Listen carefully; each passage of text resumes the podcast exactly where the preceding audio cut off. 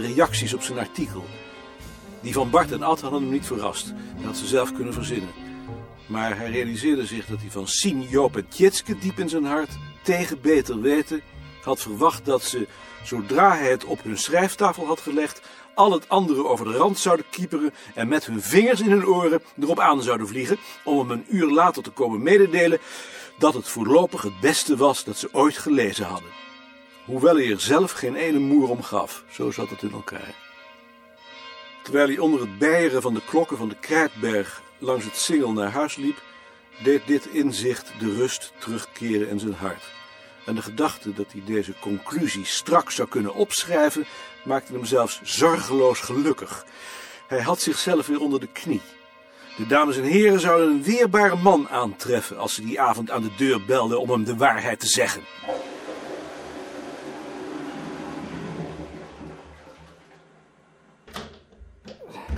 Oh, goedemorgen. Dag jij. Je bent ook vroeg. Ik ben met de auto. Ik heb contact gehad met de voorzitter van de zangvereniging. En we hebben nu afgesproken dat ik volgende week die interviews kom afnemen. De hele week. Dat is wel de bedoeling. Ik heb ook toestemming om het archief in te zien. En ik wou Tineke eigenlijk maar meenemen. Ook de hele week. In het kader van haar opleiding lijkt me dat wel een nuttige ervaring. Dan zijn dus alleen Joost en Richard hier. Freek dacht dat hij er de volgende week wel weer zou zijn. Wat heeft hij eigenlijk gehad? Hij denkt zelf dat hij overwerkt is. Overwerkt. Ja, ik weet ook niet precies wat ik me daarbij moet voorstellen. Rechtsom.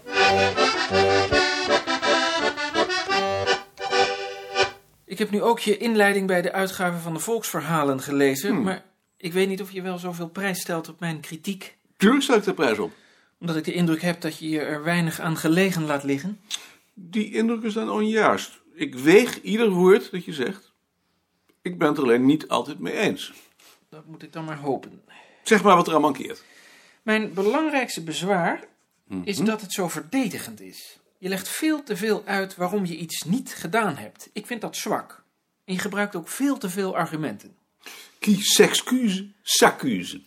Zo zou je het inderdaad kunnen formuleren. Dat is de eerste Franse zin die ik geleerd heb. Dat zei mijn vader altijd tegen me. Daar had je vader dan gelijk in. Maar ik vond het wel onzin. Zie je wel, je trekt je er niets van aan als iemand kritiek op je heeft. Nee, ga door. Ik luister. Je ontneemt iemand op die manier wel iedere lust om zijn kritiek onder woorden te brengen. Kun je geen voorbeeld geven? Bijvoorbeeld die kwestie van die bandrecorders. Je voert een hele reeks argumenten aan waarom je die niet gebruikt hebt. Je zegt daarover: 1. Dat er geen geld was om ze aan te schaffen. 2. Dat er geen geld was om de banden af te schrijven. 3. Dat er geen mensen waren om ze af te luisteren. 4. Dat het gevaar bestond dat de vertellers zouden worden afgeschrikt. 5. Dat het onderzoek door het gebruik van bandrecorders vertraagd zou worden. Ik vind dat zwak. Eén argument zou meer dan genoeg zijn geweest. Ja, dat vind jij. Omdat jij helemaal geen bandrecorder zou gebruiken. Ik vind dat inderdaad ethisch niet verantwoord. Ik vind dat je met het gebruik van een dergelijk instrument inbreuk maakt op iemands privacy. Maar dat vind ik dus niet. Ik denk heel anders. Die indruk heb ik langzamerhand ook. Jij werkt volgens vaste principes, ik niet. Ik zit midden in de ruimte en ik kan alle kanten op. Als ik meteen opsta, weet ik zeker dat ik, zodra ik onderweg ben, zal twijfelen. Dus heb ik geleerd om te blijven zitten. Pas na een poosje begin ik de omgeving te kennen. Ik weeg de obstakels om me heen, weeg hun gewicht en langzaam draai ik me in de richting met de minste weerstand. En dan sta ik op. Het zou een vervalsing zijn om achteraf te beweren dat het anders is gegaan. Weet je nu al hoe je aan de lezer duidelijk kunt maken dat ik niet mede verantwoordelijk ben voor die film? Als je mocht besluiten om dat artikel toch te publiceren? Hoe zou ik dat moeten doen? Bijvoorbeeld in een noot? Maar ik schrijf toch ik? Jawel, maar later heb je het weer over zes heren in kooltruien. En dan kunnen de lezers denken dat ik een van hen ben. Omdat jij altijd een kooltrui aan hebt. Schrijf maar dat ik die boterletter ben, dan had ik dan geen kooltrui aan. Nee, de enige die een kooltrui aan hadden waren Vester Jeuring en ik. En toch zou ik graag zien dat je dat duidelijk maakte. Ik zou niet weten hoe ik dat moest doen. Met Koning? Dag koning. Dag Bruin. Ik heb je al eerder gebeld, maar je was er niet. Nee, ik heb een paar dagen thuis gewerkt. Hoe gaat het? Slecht. Ze hebben nou een plekje in mijn longen gevonden en dat moet, moet misschien worden weggenomen. Ik dacht, ik bel je maar even. Dat is belazerd. Ach, je went eraan. Wat merk je daar dan precies van? Benauwd, hè? Ik kan niet lekker ademhalen. Maar je hebt geen pijn. Pijn eigenlijk niet zozeer. Ja, met ademhalen. Maar dat is omdat ik een tijdje geleden een paar ribben heb gebroken. Hoe is dat nou weer gebeurd? Nou, dat zal ik je vertellen. Ik probeer uit mijn stoel overeind te komen. Terwijl de Bruin uitvoerig zijn verhaal vertelde, keek hij naar buiten. Ervoor zorgend dat hij op het juiste ogenblik een vraag stelde, maar zonder de details van de antwoorden in zich op te nemen. Hij vroeg zich af hoe hij zo gespannen was geraakt. Hij veronderstelde dat hij te vroeg had moeten praten. Een mens moet eerst enige tijd alleen zijn, voor hij weer heel langzaam aan de aanwezigheid van medemensen kan wennen. Met mijn ribbenkast in een van de leuningen van mijn leunstoel. En hoe gaat het met je vrouw? Oh, dat gaat wel goed. En met jouw vrouw? Dat gaat ook goed. Ik zou nog een keer bij jullie langskomen. Dat moet je doen, jongen. Dat doe ik. Maar doe je vrouw voorlopig vast de groeten. Dat zal ik doen. En jij aan jouw vrouw, hè? Ik zal het doen. En je moet ook de groeten van mijn vrouw hebben. Dank je. En ook voor jouw vrouw natuurlijk. Ik denk dat mijn vrouw jullie ook wel de groeten zou doen... als ze wist dat ik je aan de telefoon had. Nou, het beste dan maar, hè? En jij sterkte. Ik bel nog wel eens. Dank je. En tot ziens maar, hè? Tot ziens. Dag Bruin. Dag, koning.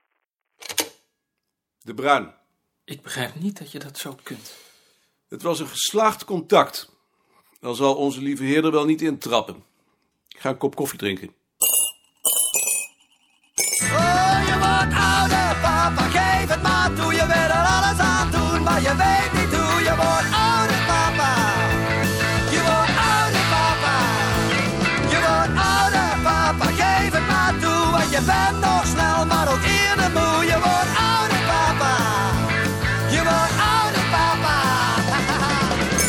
Dankjewel voor dat interview met Roel van Duin. Ik vond het zo mooi dat hij nu boer gaat worden. Het is wel erg idealistisch.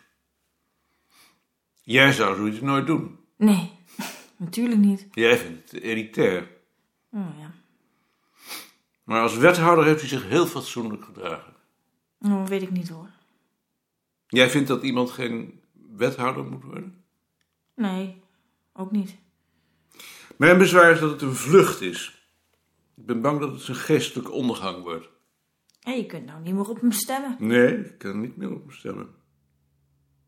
Hij zal nou wel niet meer op de lijst staan. Op wie kun je niet meer stemmen? Op Rol van Duin. Stem jij daar dan op? Daar heb ik op gestemd, maar hij is nu boer geworden. Hallo. Wat krijg je als je op personen stemt in plaats van op programma's? Denk jij nou ook dat het kabinet zal vallen? Ik denk het wel. Ik vind het zo spannend, joh. Ja? Natuurlijk, zoiets maak je toch bijna nooit mee. Wat stemmen jullie? Ik denk weer PPR. Dat zijn de enigen die wat voor de dieren doen. Wat stem jij? PSP denk ik, net als Tjitske. Ik weet het nog altijd niet, joh. Jij stemt nu zeker CDA? Tim? Ik dacht dat stemmen geheim was. Je wordt papa.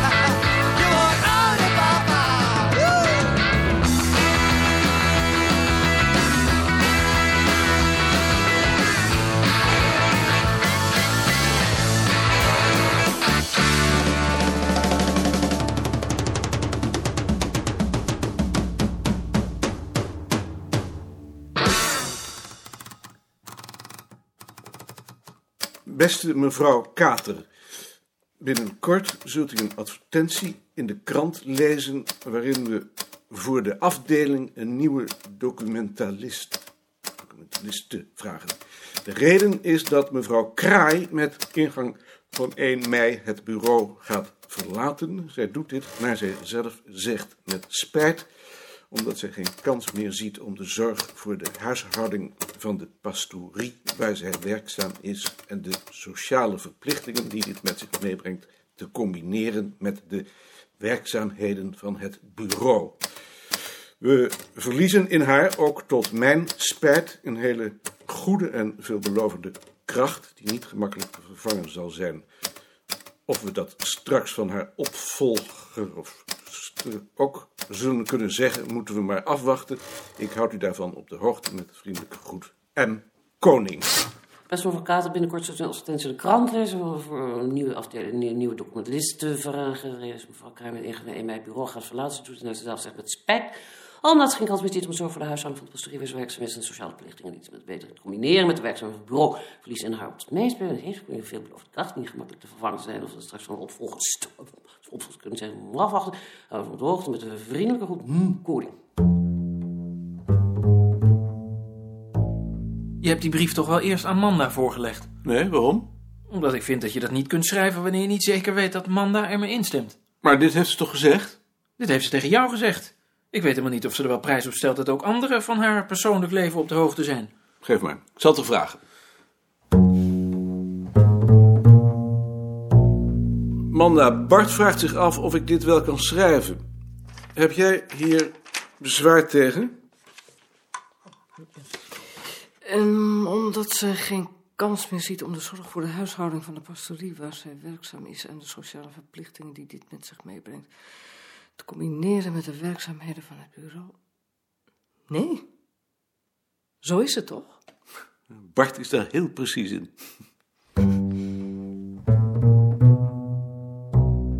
Manda heeft geen bezwaar. Je hebt toch ook niet gezegd dat het van mij kwam? Dat heb ik wel gezegd. Zie je wel. Je kunt nooit iets tegen jou zeggen zonder dat iedereen het te weten komt. Dan had ik dat dan weer eerst aan jou moeten vragen. Zo blijven we wel aan de gang. Je had het helemaal niet moeten zeggen. Het is toch helemaal niet nodig dat je daar mededeling van doet? Dat is toch alleen maar omdat je er niet zelf voor op wilt draaien? Ik begin te geloven dat wij tot in alle eeuwigheid langs elkaar heen zullen blijven Maar zo praten. moeilijk is dat toch niet? Als je maar eens wat meer rekening met de mening van anderen hield. Ja.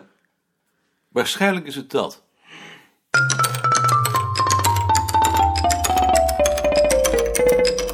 Gek. Als je naambordje weg is, dat is een beetje of je dood bent. Ja, daar moet ik nog wel aan wennen. Oh ja, nee, ja. Ik, ik begrijp het. Nou, tot morgen.